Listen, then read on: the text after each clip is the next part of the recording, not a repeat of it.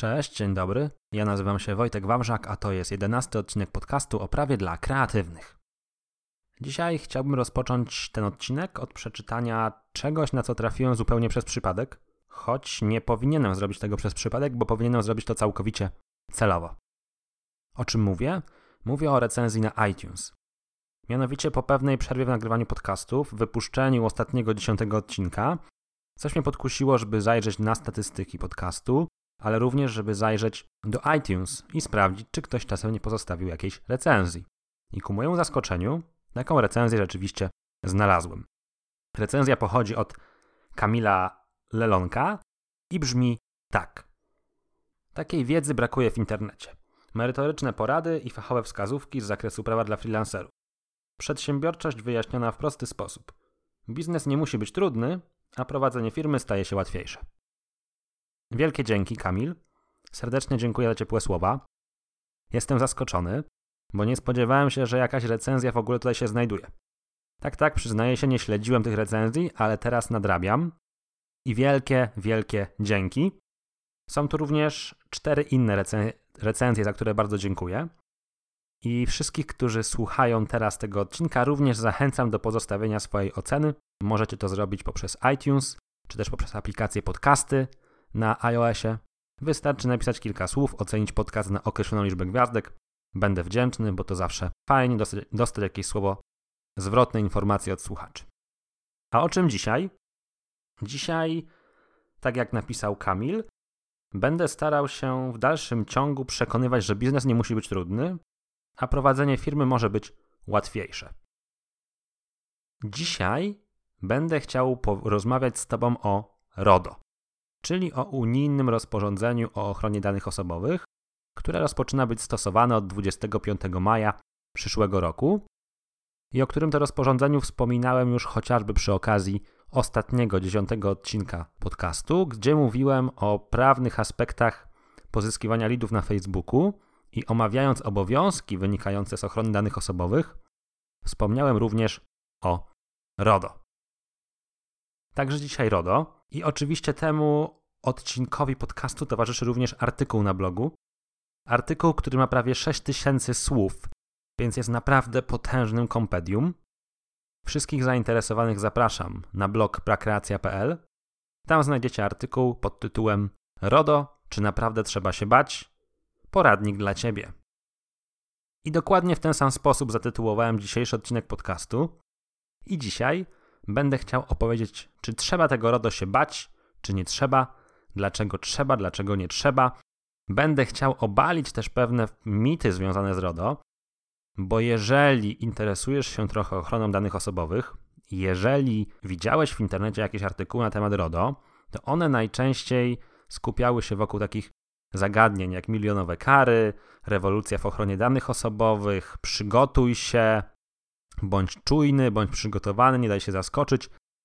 I w obliczu takich przekazów mogłeś często poczuć się niekomfortowo, mogłeś poczuć się przestraszony, mogłeś sobie pomyśleć, że to RODO no to istny diabeł wcielony. A ja chcę Ci dzisiaj powiedzieć, że owszem, RODO wprowadza wiele zmian, ale RODO dla wielu przedsiębiorców będzie ułatwieniem w stosunku do aktualnie obowiązującej ustawy o ochronie danych osobowych. O tym, dlaczego będzie ułatwieniem, dowiesz się w ramach tego odcinka podcastu.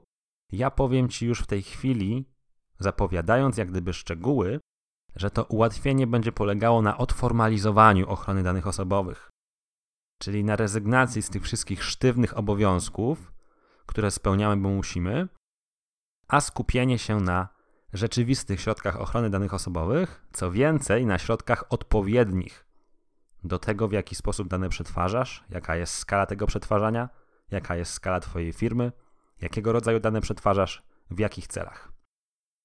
Ale o tym porozmawiamy po kolei. Na samym początku powiem Ci, o czym w ogóle dzisiaj powiemy. Powiemy o karach za nieprzestrzeganie przepisów.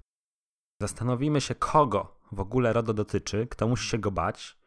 Opowiem Ci o podstawach przetwarzania danych osobowych, o wątku rejestracji zbiorów, o dotychczasowej dokumentacji ochrony danych osobowych, o rejestrze czynności przetwarzania, o środkach ochrony danych osobowych, o kodeksach dobrych praktyk i certyfikacji – o ocenie skutków przetwarzania, o obowiązkach informacyjnych, o powierzeniu przetwarzania danych osobowych, o inspektorze ochrony danych osobowych, o zgłaszaniu naruszeń, profilowaniu i dwóch anglojęzycznych terminach Privacy by Design and Default. I to taki przegląd wszystkich zagadnień. Jest ich dość sporo, bo tak naprawdę zarówno ten podcast, jak i artykuł na blogu są takim wyczerpującym kompendium na temat najważniejszych problemów związanych z RODO. Chciałem, by w końcu w internecie był jakiś materiał kompleksowo prezentujący wszystkie zagadnienia. Bo rzeczywiście artykułów na temat RODO jest sporo, ale one są mocno poszatkowane. Generalnie musisz poszukać w internecie w wielu źródłach, żeby wyrobić sobie jakieś opinie na temat najważniejszych problemów. Ja postanowiłem to wszystko zebrać w ramach jednego artykułu i w ramach jednego odcinka podcastu. Powiem Ci też od razu, że do tego podcastu i do artykułu jest specjalny bonus. Przygotowałem bonus w postaci takiej ściągawki, checklisty kontrolnej pod tytułem Przygotuj się do RODO. To jest pięciostronicowy dokument zawierający 15 pytań, na które musisz sobie odpowiedzieć przygotowując się do RODO. Oprócz tych pytań znajdują się tam również wskazówki, co zrobić z odpowiedziami na te pytania, czyli jak się zachować, co zrobić, żeby to przygotowywanie się do RODO powiodło się całkiem sprawnie. Jak taką checklistę zdobyć? Wystarczy, że zapiszesz się do newslettera, że zrobisz to w ramach formularza zapisu na newsletter dostępnego w artykule na blogu pod tytułem RODO, czy naprawdę trzeba się bać. Tam znajduje się specjalna sekcja, checklista kontrolna. Wystarczy, że z tego miejsca zapiszesz się na newsletter i otrzymasz na swój adres e-mail link pozwalający ci taką checklistę ściągnąć. Ok, dość przydługi dzisiaj wstęp nam wyszedł i myślę, że sam odcinek będzie również dłuższy niż inne, ale naprawdę zajmijmy się tym RODO, zróbmy to kompleksowo i miejmy to raz, a dobrze za sobą. Od czego zacznijmy? Zacznijmy tak trochę przewrotnie od tych milionowych kar, czyli od tego, czym wszyscy straszą w internecie. Milionowe kary w RODO? Straszak czy realne zagrożenie? I tutaj od razu powiem o fakcie, który dostępny jest we wszystkich artykułach, mianowicie, że RODO po raz pierwszy w stosunku do polskiej ustawy o ochronie danych osobowych wprowadza możliwość nakładania kar finansowych, kar pieniężnych na podmioty, które naruszają przepisy o ochronie danych osobowych. Do tej pory to było tak, że gdy GIODO wszczynał kontrolę, to wydawał decyzję i mówił ci, że musisz usunąć takie takie naruszenia, takie uchybienia, jeżeli to zrobisz, koniec postępowania. Teraz organ nadzorczy od 25 maja 2018 roku po stwierdzeniu naruszenia przez ciebie przepisów o ochronie danych osobowych będzie mógł nałożyć na ciebie karę. Karę nawet do 20 milionów euro lub do 4% obrotu z poprzedniego roku. Czyli kara naprawdę duża, i robiąca takie wrażenie, działająca na wyobraźnię. 20 milionów? Wow, kogo na to stać? 4% obrotu to również bardzo dużo. Ale wśród tych wszystkich przekazów o wysokości możliwych do nałożenia kar, brakuje mi takiej rzetelnej informacji, że ta kara, mimo że możliwa do nałożenia w takiej wysokości, to nie zawsze w takiej wysokości rzeczywiście będzie nałożona. Bo RODO mówi również, że kara musi być proporcjonalna, kara musi być dostosowana między innymi do skali naruszenia, do tego, jakiej wagi obowiązki naruszyłeś. W związku z tym to nie jest tak, że zawsze będzie kara najwyższa z możliwych. Organ będzie miał możliwość tą karę dopasować do realnej sytuacji. I to jest pierwsza uwaga, jeżeli chodzi o te milionowe kary, że owszem, miejmy je na uwadze, że one są, że mają dużą skalę rażenia, ale to jeszcze nie oznacza, że one zawsze w tej maksymalnej wysokości będą nakładane.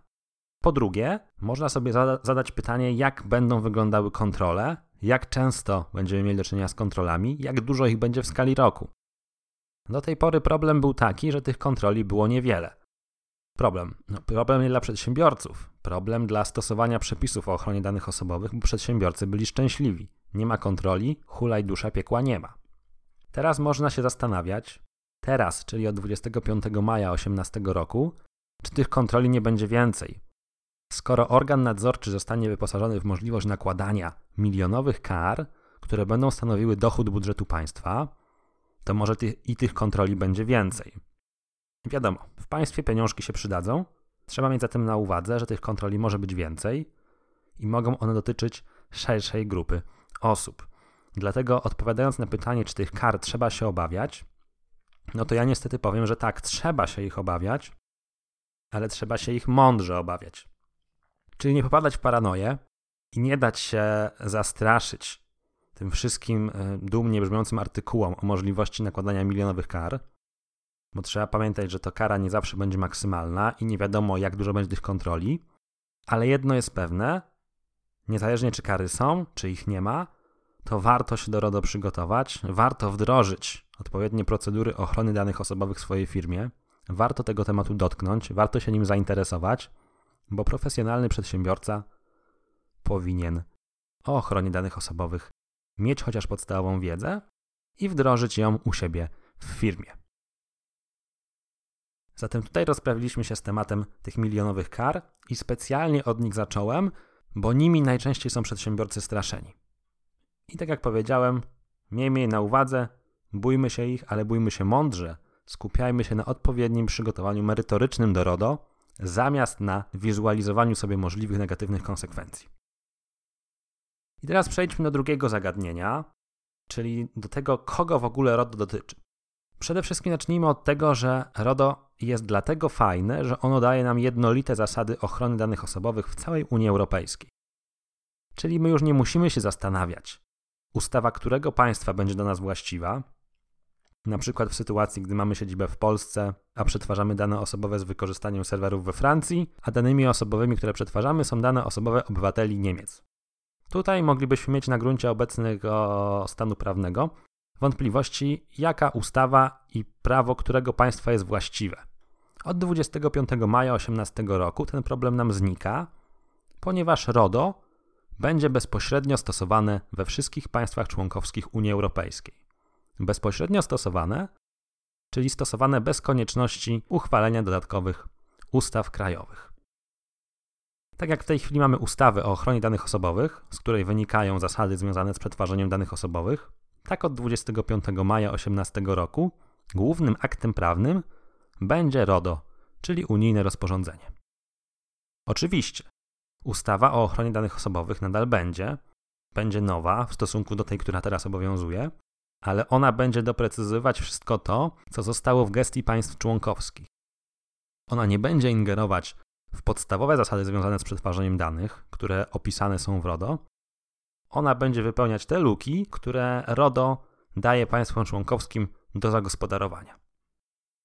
Podkreślam jednak, że najfajniejsze w RODO jest to, że już nie trzeba zastanawiać się, którego państwa przepisy stosować. Stosujemy w całej Unii Europejskiej unijne rozporządzenie. Oczywiście zawsze przy okazji stosowania przepisów o ochronie danych osobowych pojawia się wątek, kogo te przepisy dotyczą. Czy dotyczą one osób, które przetwarzają dane w celach domowych, osobistych? Tutaj oczywiście nie, czyli na przykład jeżeli mamy sytuację, w której w swoim telefonie komórkowym prywatnym gromadzimy dane osobowe osób w książce telefonicznej, to do nas RODO nie znajduje zastosowania, bo jest to przetwarzanie w celach osobistych i domowych. Ale jeżeli mówimy o przedsiębiorcach, to mówimy najczęściej o przetwarzaniu danych w związku z działalnością gospodarczą i wtedy wątpliwości nie ma, że RODO nas dotyczy. Nawet jeżeli nie prowadzimy działalności gospodarczej, to RODO również nas dotyczy, jeżeli przetwarzamy te dane w związku ze swoją jakąś stałą aktywnością.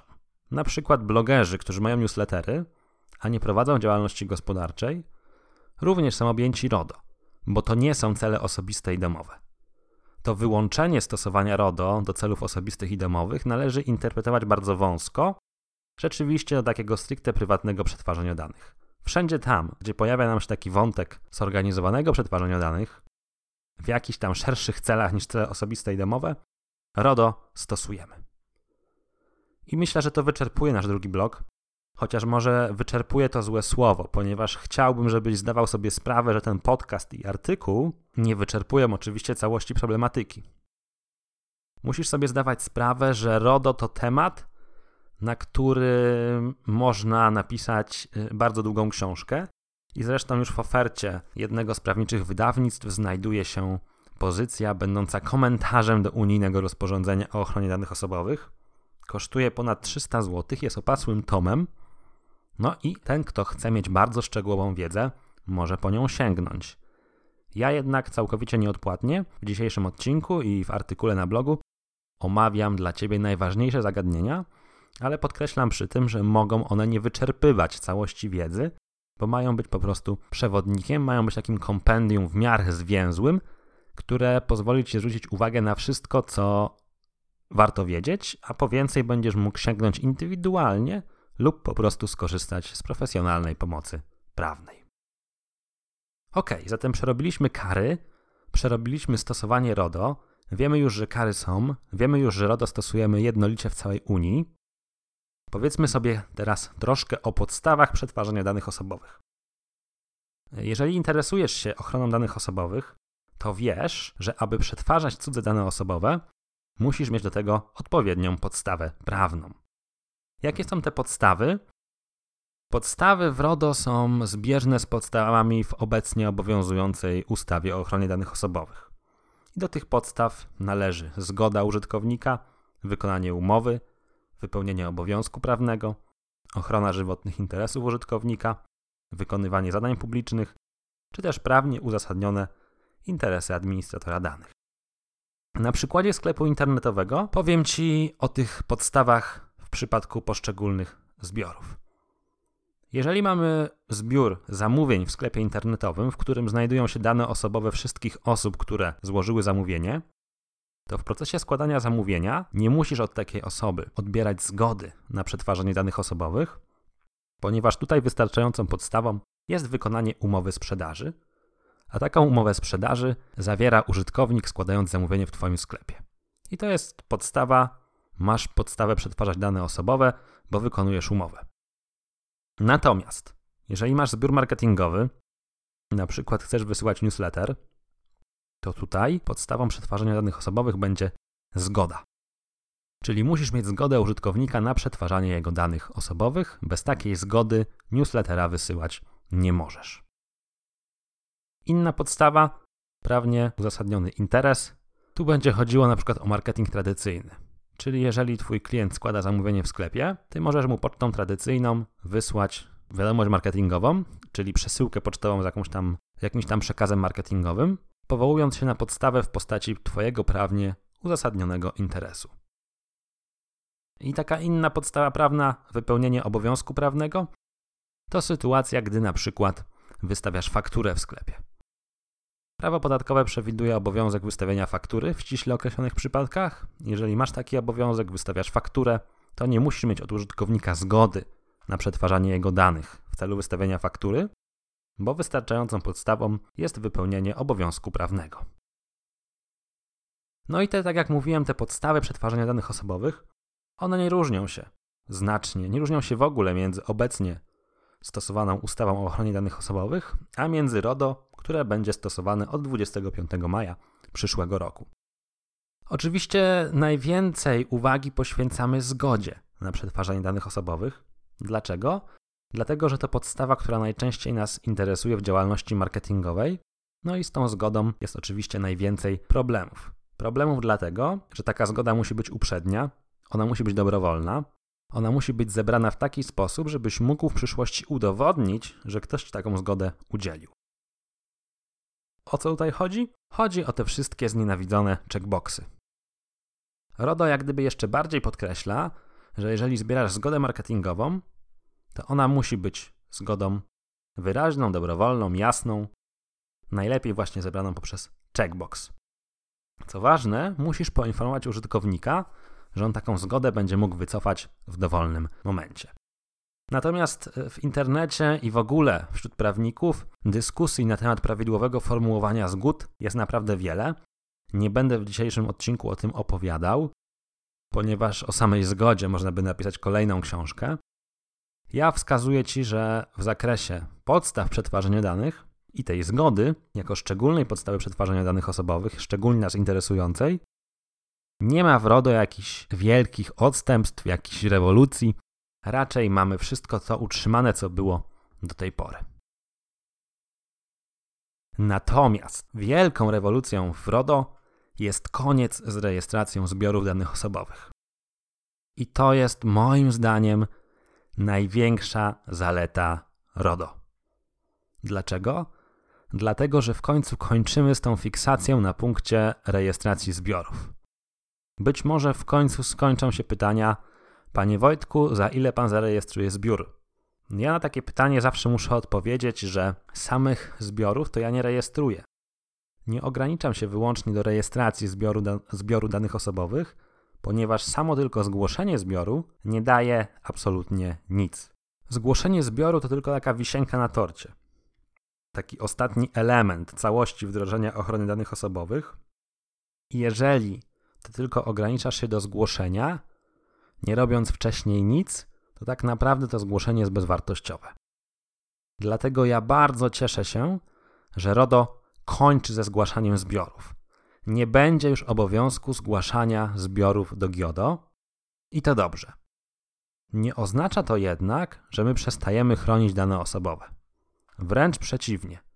My w końcu odchodzimy od tego modelu formalistycznej ochrony na rzecz realnej ochrony danych osobowych. Czyli mimo, że nie musisz zgłaszać zbiorów do GIODO, to musisz chronić dane. Ty masz się skupić na całej procedurze związanej z ochroną danych osobowych, masz wdrożyć odpowiednie środki ochrony danych osobowych, masz się zastanowić, co zrobić, by te dane były odpowiednio chronione, by nikt nieupoważniony nie uzyskał do nich dostępu. Generalnie masz zrobić wszystko, by zapewnić prywatność swoich użytkowników i nie musisz się martwić o jakieś tam formalne wnioski, bo te wnioski formalne i zgłaszanie zbiorów odchodzi do lamusa i koniec fiksacji na punkcie zgłoszeń do GIODO. Uf, powiedziałem to trochę dobitnie, trochę emocjonalnie. Pewnie było to słychać. Jeżeli nie było słychać, to gwarantuję Ci, że nagrywając to trochę wymachuję coraz bardziej rękoma, bo ten temat zgłaszania zbiorów do GIODO naprawdę przewija się notorycznie. I cieszę się, że będę mógł w końcu mówić, że zgłaszać nie trzeba i być może będę mógł uświadamiać coraz mocniej klientów, że to chodzi o realną ochronę danych osobowych, a nie o ochronę na papierze. I to prowadzi nas do kolejnego wątku, czyli do wewnętrznej dokumentacji ochrony danych osobowych. Na gruncie aktualnie obowiązującej ustawy o ochronie danych osobowych Mamy takie dokumenty jak politykę bezpieczeństwa i instrukcje zarządzania systemami informatycznymi. To są takie dokumenty, które każdy administrator danych osobowych musi obecnie posiadać. W tych dokumentach w uproszczeniu zawiera się opis środków ochrony danych osobowych, opis okoliczności i przestrzeni, w jakiej przetwarzane są dane osobowe, wskazanie podmiotów, które przetwarzają dane, powierzeń, wykaz zbiorów, środki techniczne związane z ochroną danych osobowych, środki IT itd. Tak itd. Tak Problem obecnej ustawy polega na tym, że każdy administrator taką politykę i instrukcję zarządzania musi mieć, co doprowadziło do tego, że szereg przedsiębiorców po prostu powielało jakieś gotowe wzory, a nawet jeżeli przygotowywali swoje polityki, to i tak te polityki były tylko mocne na papierze. To znaczy zawierały mnóstwo pięknych słów, pięknych deklaracji, pięknych informacji o wdrożonych środkach ochrony danych osobowych, a tak naprawdę nijak się to miało do rzeczywistości. I RODO znowu postępuje tutaj mądrze, tak samo jak mądrze postąpiło ze zgłoszeniami zbiorów do GIODO.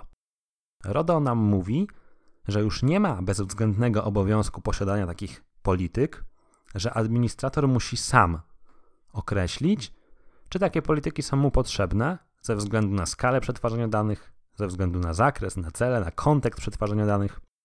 Generalnie znowu pokazywane jest każdemu administratorowi, że to on się musi na spokojnie zastanowić, co mu jest potrzebne, a nie powielać jakieś gotowe standardy i formułki, bo papier przyjmie wszystko. Tak, papier przyjmie wszystko, ale nie o to chodzi. I RODO kładzie na to nacisk, by wszystko to, co robimy w związku z ochroną danych osobowych, było rzeczywiście odpowiednie, adekwatne, dostosowane do naszej indywidualnej sytuacji. W związku z tym nie ma już obowiązku bezwzględnego, nie będzie od 25 maja 2018 roku konieczności posiadania polityki bezpieczeństwa i instrukcji zarządzania systemami informatycznymi. Niemniej jednak, ja uważam, że posiadanie przynajmniej jednego dokumentu, jakiejś tam polityki, która będzie wskazywała na to, jak postępujemy z danymi, jak one w naszej organizacji przepływają, jak się je chroni, jak się z nimi postępuje, będzie dobrą praktyką. Czyli zawsze będzie warto mieć taki dokument, chociażby po to, żeby sobie uporządkować te kwestie na własne potrzeby, żeby wszystko przemyśleć, żeby zdiagnozować procesy, żeby je opisać, żeby dołożyć należytej staranności w zakresie ochrony danych osobowych. I posiadanie takiej dokumentacji będzie właśnie takim dowodem dołożenia należytej staranności. Dlatego zachęcam Cię, że jeżeli masz już takie dokumenty, jak polityka bezpieczeństwa, jak instrukcja zarządzania, to przeanalizuj je, to sprawdź je pod tym kątem, czy one odpowiadają rzeczywistości, a jeżeli nie masz, to również pomyśl o ich przygotowaniu, ale znowu, nie szukaj wzorów w internecie, nie powielaj jakichś sloganów, co do których nie masz nawet pewności, o co w nich chodzi. Lepiej własnymi słowami w takiej dokumentacji opisz, jak postępuje się z danymi w Twojej firmie, jak się je chroni, jaki jest obieg tych danych, kto ma do nich dostęp, kto nie może uzyskać dostępu i tak dalej, i tak dalej.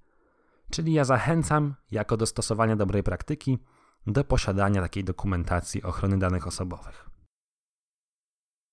I teraz ta wewnętrzna dokumentacja ochrony danych osobowych prowadzi nas do kolejnego dokumentu, o jakim mówi RODO. I RODO mówi o rejestrze czynności przetwarzania danych osobowych jako takim obowiązku zastępczym w stosunku do zgłaszania zbiorów do GIODO. Bo jeżeli ty spojrzysz na wniosek, na którym zgłaszało się obecnie zbiory, to zobaczysz, że taki wniosek tak naprawdę zawiera szereg informacji na temat zbiorów, jakie wyodrębniłeś. Nazwa zbioru, cel przetwarzania danych, kategoria danych, jakie są przetwarzane, jakie środki zostały zastosowane do chronienia tych danych, czy dane były komuś powierzone. To wszystko wskazywało się we wniosku zgłoszeniowym do GIODO. Od 25 maja 2018 roku zgłoszeń do GIODO nie będzie, ale będzie rejestr czynności przetwarzania danych osobowych, który nie będzie obowiązkowy dla wszystkich, bo znowu w RODO znajdziesz wyjątki, kiedy taki rejestr nie będzie musiał być prowadzony. Dotyczy to w szczególności niewielkich firm do 250 pracowników. Natomiast znowu, ja podkreślam, że posiadanie takiego rejestru czynności przetwarzania danych osobowych będzie zawsze dobrą praktyką. Co więcej, będzie zawsze taką dobrze odrobioną pracą domową. Dlaczego? Dlatego, że każdy administrator powinien mieć świadomość i wiedzę, jakie zbiory danych osobowych u niego funkcjonują. I w ramach przygotowywania takiego rejestru będzie musiał zastanowić się, z jakimi danymi osobowymi ma do czynienia, w ramach jakich zbiorów one są grupowane, co się z tymi danymi dzieje, w jakich systemach są przetwarzane, czy przepływają między tymi systemami, generalnie co się z tymi danymi dzieje. Dlatego, podobnie jak w przypadku polityki bezpieczeństwa, ja polecam, nawet jeżeli stwierdzisz, że nie masz obowiązku na gruncie RODO posiadania rejestru czynności przetwarzania danych, to polecam taki rejestr przygotować. Jeżeli masz politykę bezpieczeństwa, to najprawdopodobniej masz w ramach niej również wykaz zbiorów danych osobowych, który stanowi załącznik do takiej polityki.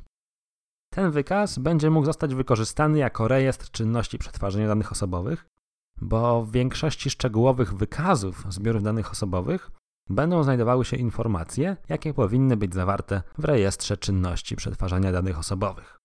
Czyli jeżeli do tej pory zrobiłeś już coś w związku z ochroną danych osobowych, jeżeli posiadasz już jakąś dokumentację ochrony danych osobowych, to musisz ją teraz przeanalizować, musisz sprawdzić, czy spełnia ona wymogi pod kątem RODO, a przede wszystkim, czy ta dokumentacja odpowiada rzeczywistości.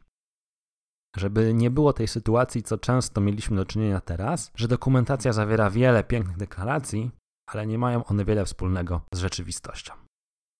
Jeżeli mowa o tych dokumentacjach, to nasuwa nam się od razu wątek środków ochrony danych osobowych, bo w takich dokumentacjach powinniśmy m.in. opisać, jakie środki stosujemy, by chronić dane osobowe. I do tej pory sytuacja była dość prosta, ponieważ rozporządzenie wykonawcze do ustawy do ustawy o ochronie danych osobowych zawierało wykaz środków, jakie administrator musi wdrożyć w zależności od stwierdzonego poziomu przetwarzania danych osobowych. No i mieliśmy tam na przykład zmianę haseł co 30 dni. Mieliśmy tam macierz dyskową. Mieliśmy tam wiele różnych takich sztywnych środków, które tak naprawdę dla wielu administratorów nie były potrzebne. RODO tutaj znowu idzie mądrze, znowu postępuje mądrze, stwierdzając, że środki stosowane przez administratora mają być odpowiednie.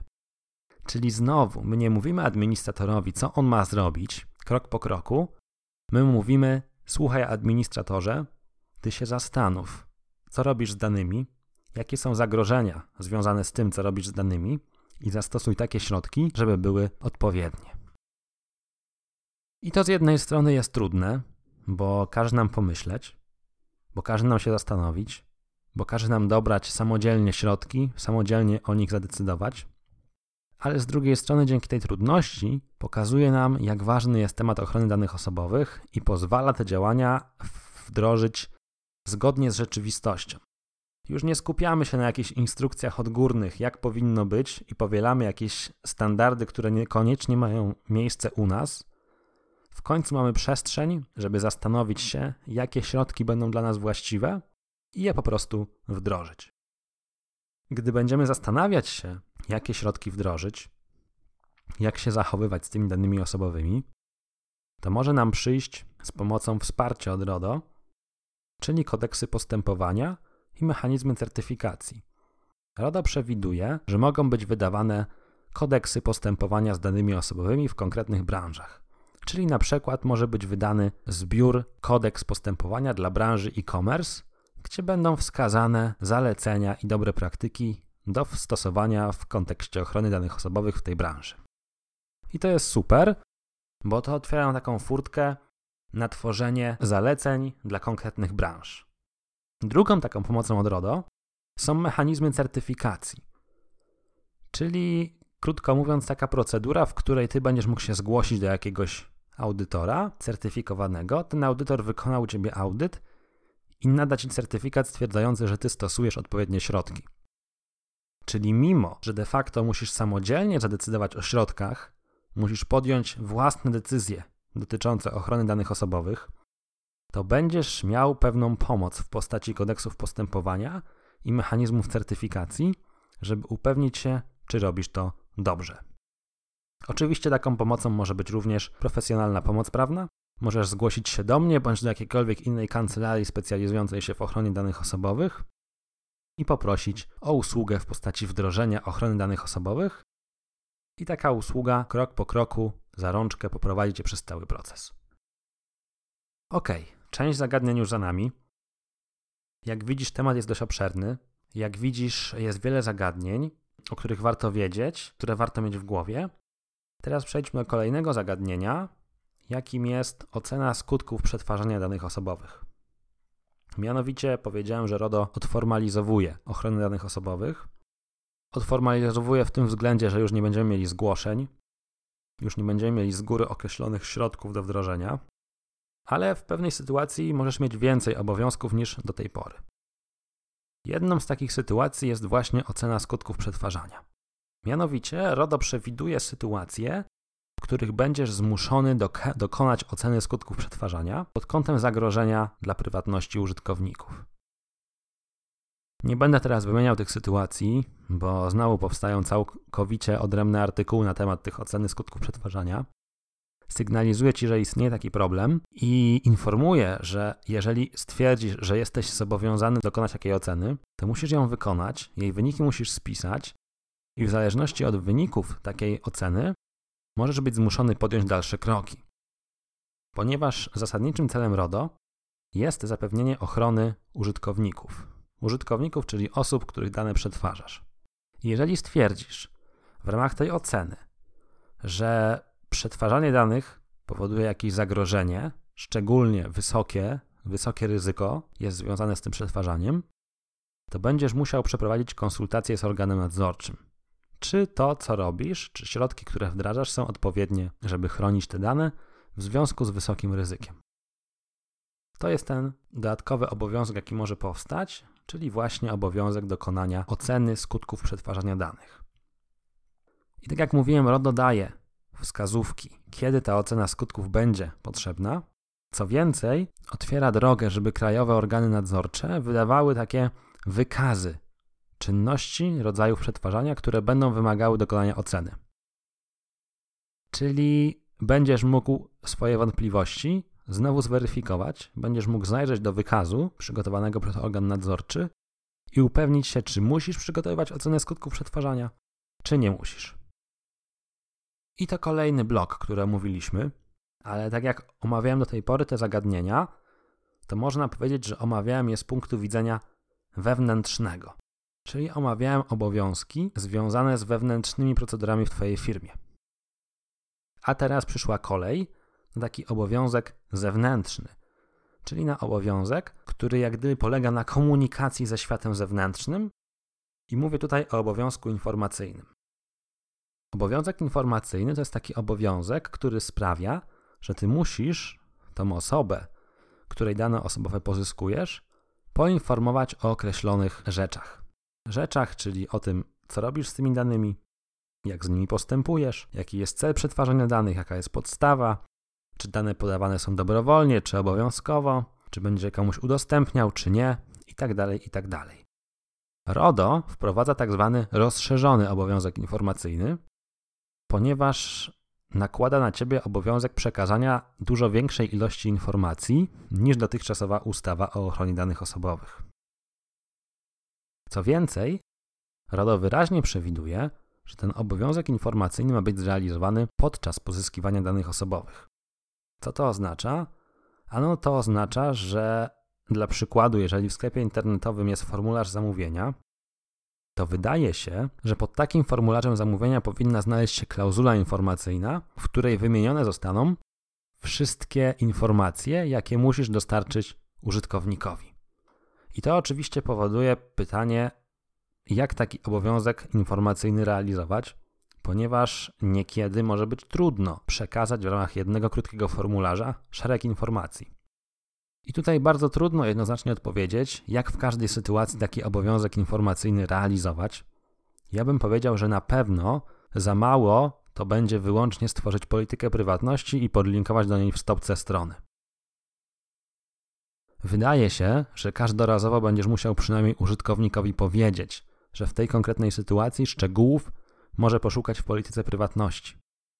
Innymi słowy, RODO znowu skupia się na takich rzeczywistych środkach, w tym wypadku na środkach mających służyć ochronie użytkownika i każe Tobie dostarczyć mu konkretnych informacji w sposób przejrzysty, klarowny, w sposób, który pozwoli temu użytkownikowi wiedzieć, co dzieje się z jego danymi, jakie uprawnienia mu służą i generalnie, co z tymi jego danymi się dzieje. Ok. Obowiązek informacyjny powiedziałbym, że dość istotna kwestia z tego względu, że ma przełożenie na wygląd stron internetowych i trzeba mocno zastanowić się, jak zrealizować ten obowiązek informacyjny, żeby jednocześnie nie zaburzyć przyjazności odbioru ze stroną. I oczywiście tu jest trudno dać jednoznaczne wskazówki uniwersalne, bo to będzie zależeć od konkretnej sytuacji. Jeżeli będziesz chciał porozmawiać, jak w Twojej konkretnej sytuacji realizować obowiązki informacyjne, Jestem na dyspozycji. Napisz wiadomość wojciech.wawrzak.małpaprakreacja.pl Porozmawiamy. A teraz kierujemy swoje kroki ku kolejnemu zagadnieniu, jakim jest powierzenie przetwarzania danych osobowych. Powierzenie przetwarzania, czyli sytuacja, gdy jakiś podmiot trzeci realizuje jakieś działania na danych osobowych dla Twoich celów. Czyli obrazowo, jeżeli korzystasz z usług zewnętrznego biura księgowego, to powierzasz mu przetwarzanie danych osobowych po to, żeby on mógł świadczyć te usługi księgowe. W tym przypadku dane osobowe najczęściej zawarte są na fakturach i na dokumentach pracowniczych, bo biuro rachunkowe księguje i prowadzi dokumentację pracowniczą. W związku z tym tutaj dochodzi do powierzenia przetwarzania. Jeżeli masz na przykład sklep internetowy zainstalowany na własnym serwerze, a w zasadzie nie na własnym, a na serwerze, który zapewnia ci hostingodawca, to tak naprawdę dane osobowe, na przykład zawarte w zamówieniach, przetwarzane są na tym serwerze. W związku z tym ty powierzasz przetwarzanie danych osobowych swojemu hostingodawcy. To samo dotyczy sytuacji, gdy korzystasz na przykład z systemu mailingowego. Jeżeli korzystasz na przykład z Freshmaila czy z MailChimpa, to tam przechowywane są dane osobowe subskrybentów newslettera. W związku z tym również powierzasz przetwarzanie danych osobowych dostawcy systemu. I do tej pory było tak, że z każdym takim podmiotem miałeś obowiązek zawrzeć umowę powierzenia przetwarzania danych na piśmie. Na piśmie, czyli poprzez wymianę egzemplarzy z własnoręcznym podpisem. Nie skan, nie zdjęcie, własnoręczny podpis. No i to prowadziło do problemów, bo nie zawsze te zawarcie takiej umowy jest możliwe. RODO wprowadza tutaj dopuszczalność zawarcia takiej umowy również w sposób elektroniczny. Czyli wydaje się, że dopuszczalne będzie nawet zawarcie takiej umowy poprzez akceptację regulaminu, w którym znajdą się postanowienia dotyczące powierzenia przetwarzania danych osobowych. Jednocześnie RODO przewiduje, że jeżeli chcesz powierzać komuś dane osobowe, to musisz to robić na rzecz takich podmiotów, które gwarantują stosowanie odpowiedniego poziomu ochrony tych danych. Krótko mówiąc, chodzi o to, żeby podmiot, który przetwarza Twoje dane w ramach powierzenia, również stosował się do wszystkich wymogów unijnego rozporządzenia. I tutaj oczywiście pojawia się pytanie, w jaki sposób kontrolować to, jak postępuje z danymi osobowymi podmiot przetwarzający, któremu powierzyłeś przetwarzanie danych. Po pierwsze, możesz oczywiście zawrzeć umowę z szeregiem gwarancji po Twojej stronie. Po drugie, jeżeli taka umowa nie może być zawarta, no to możesz na przykład sprawdzić politykę prywatności takiego podmiotu i sprawdzić, co on deklaruje w stosunku do ochrony danych osobowych. Przy czym oczywiście powstaje pytanie, jak jesteś realnie w stanie sprawdzić to wszystko, co ten drugi podmiot ci zadeklarował. No i w praktyce, gdy na przykład Twoje dane przetwarza jakaś firma na drugim kontynencie, nie jesteś w stanie tego zrobić. W związku z tym bazujesz na oświadczeniach. I do tej pory Giodo, nasz polski, mówił, że no, takie umowy powierzenia są trochę z takimi podmiotami fikcyjnymi, ponieważ nie masz realnej możliwości weryfikacji, czy są należycie wykonywane.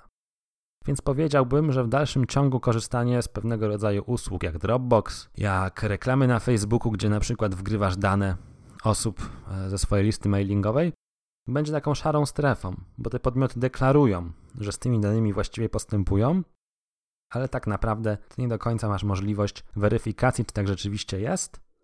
Ale oczywiście nie wyobrażam sobie zrezygnowania ze wszelkiego tego rodzaju narzędzi, więc w dalszym ciągu będzie się to opierać po prostu na pewnych deklaracjach ze strony tych podmiotów. Kolejny wątek, o jakim trzeba powiedzieć z punktu widzenia RODO, to inspektor danych osobowych. Inspektor danych osobowych, który zastąpi obecnego administratora bezpieczeństwa informacji. Krótko mówiąc, to jest taki człowiek w firmie, który ma czuwać nad przestrzeganiem przepisów o ochronie danych osobowych, który ma odciążyć administratora danych osobowych z jego obowiązków, sprawić, by dane osobowe były przez, przetwarzane należycie i wszystkie obowiązki w tym zakresie były spełnione. I obecnie, na gruncie aktualnej ustawy o ochronie danych osobowych, powołanie ABIEGO jest dobrowolne. Jeżeli powołujesz ABIEGO, to nie musisz zgłaszać zbiorów, bo zgłaszasz ABIEGO. Tak jak już powiedziałem, na gruncie RODO zgłaszanie zbiorów w ogóle odchodzi w niebyt, ale nowością jest to, że w niektórych sytuacjach obowiązkowe będzie powołanie inspektora danych osobowych. I w RODO znajdziesz wyliczenie, kiedy powołanie inspektora będzie obowiązkowe. I sygnalizuje Ci konieczność sprawdzenia, czy w Twojej szczególnej sytuacji, ze względu na to, co robisz z danymi osobowymi, nie będzie konieczności powołania takiego inspektora. Kolejną nowością w RODO to jest zgłaszanie naruszeń. RODO przewiduje, że jeżeli stwierdzisz u siebie w firmie naruszenie ochrony danych osobowych, możesz mieć obowiązek zgłoszenia takiego naruszenia do organu nadzorczego, jak również użytkownikowi, którego danych naruszenie dotyczy. W związku z tym, w ramach wszystkich tych swoich procedur ochrony danych osobowych, musisz również przewidzieć procedurę ewidencjonowania przypadków naruszenia ochrony danych osobowych i raportowania ich zgłaszania. Tu znowu nie wchodzę w szczegóły, bo też już nam ten odcinek się mocno przeciąga, podobnie jak bardzo długi jest artykuł, ale sugeruję Tobie konieczność posiadania procedury zgłaszania naruszeń. No i na sam koniec już wspomnę jeszcze o problemie profilowania. Profilowanie to generalnie taka sytuacja, gdy ty zbierasz jakieś informacji o użytkownikach, łączysz je w jakiś profil i na tej podstawie przewidujesz jakieś zachowania konkretnego użytkownika. No i w marketingu chodzi oczywiście o targetowanie reklam. Tworzysz profil użytkownika i w zależności od profilu dopasowujesz treść reklam. Pytanie w tym zakresie pojawia się, czy możesz coś takiego robić bez wcześniejszej zgody użytkownika. Pytanie jest aktualne szczególnie na gruncie RODO dlatego, że RODO przewiduje, że profilowanie to taka odrębna czynność przetwarzania danych osobowych, a jeżeli jest to przetwarzanie danych osobowych, to trzeba mieć odpowiednią podstawę, żeby to robić. No i jeżeli profilujemy dane osobowe w celach marketingowych, to naturalne pytanie powstanie, czy my możemy to robić bez zgody. I wydaje się, że rzeczywiście najlepszą podstawą do profilowania w celach marketingowych będzie zgoda. No ale teraz pytanie, jak to ma wyglądać? Masz wchodzić na stronę internetową i pierwsze co robić, to zaznaczać checkbox ze zgodą na profilowanie. Trudno powiedzieć, jak to pójdzie, jak to będzie wyglądać.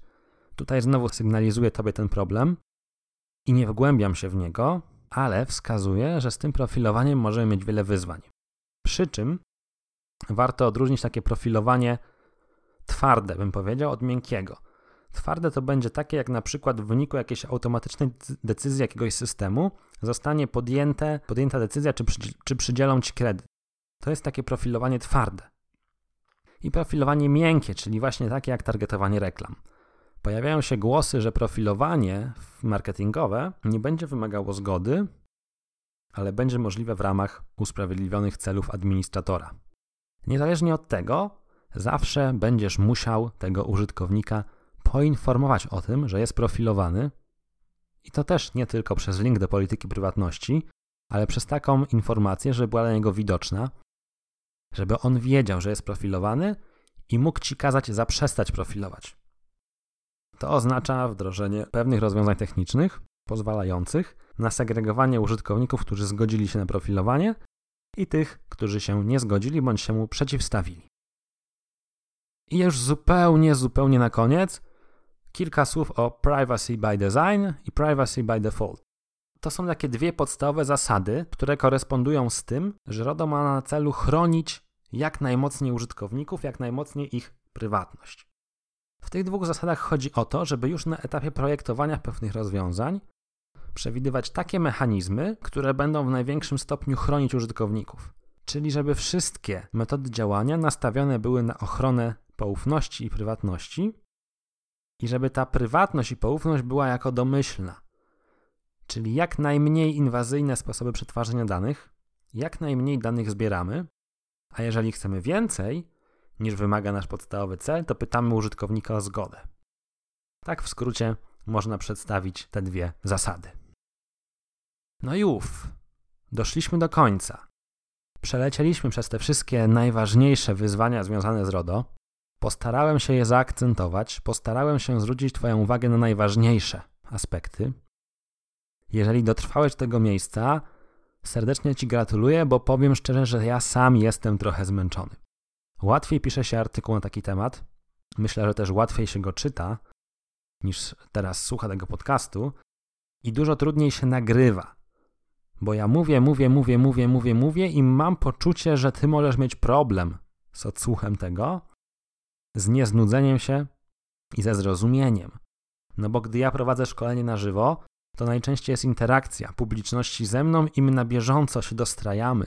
Tutaj ja mówię przed siebie, tutaj ja staram się przekazać Ci jak najlepiej tą wiedzę, ale nie mam gwarancji, czy Ty słuchając nie znudzisz się. Mam nadzieję, że się nie znudzisz, mam nadzieję, że się nie znudziłeś, bo tak naprawdę dobrnęliśmy do końca. Na koniec powtórzę, że mam dla Ciebie pewien bonus.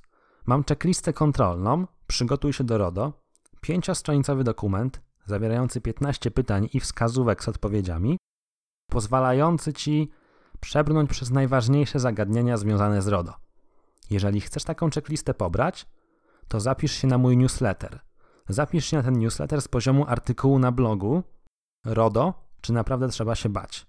Jeżeli słuchasz tego podcastu z aplikacji do podcastów, to w opisie tego odcinka znajduje się link do artykułu na blogu, gdzie możesz zapisać się na newsletter i otrzymać checklistę kontrolną. Gorąco zachęcam. Myślę, że jest to fajny, fajny materiał dodatkowy, który Ci pomoże. No i cóż, dobrnęliśmy do końca. Jeszcze raz dziękuję za Twoją cierpliwość. Jeżeli tutaj jesteś, jeżeli dotrwałeś do końca, wow, wow, wow, wielkie dzięki, wielkie gratulacje. Na koniec, tak jak zawsze powiem, zapraszam do pozostawienia opinii na iTunes, do wystawienia recenzji, do oceny tego podcastu.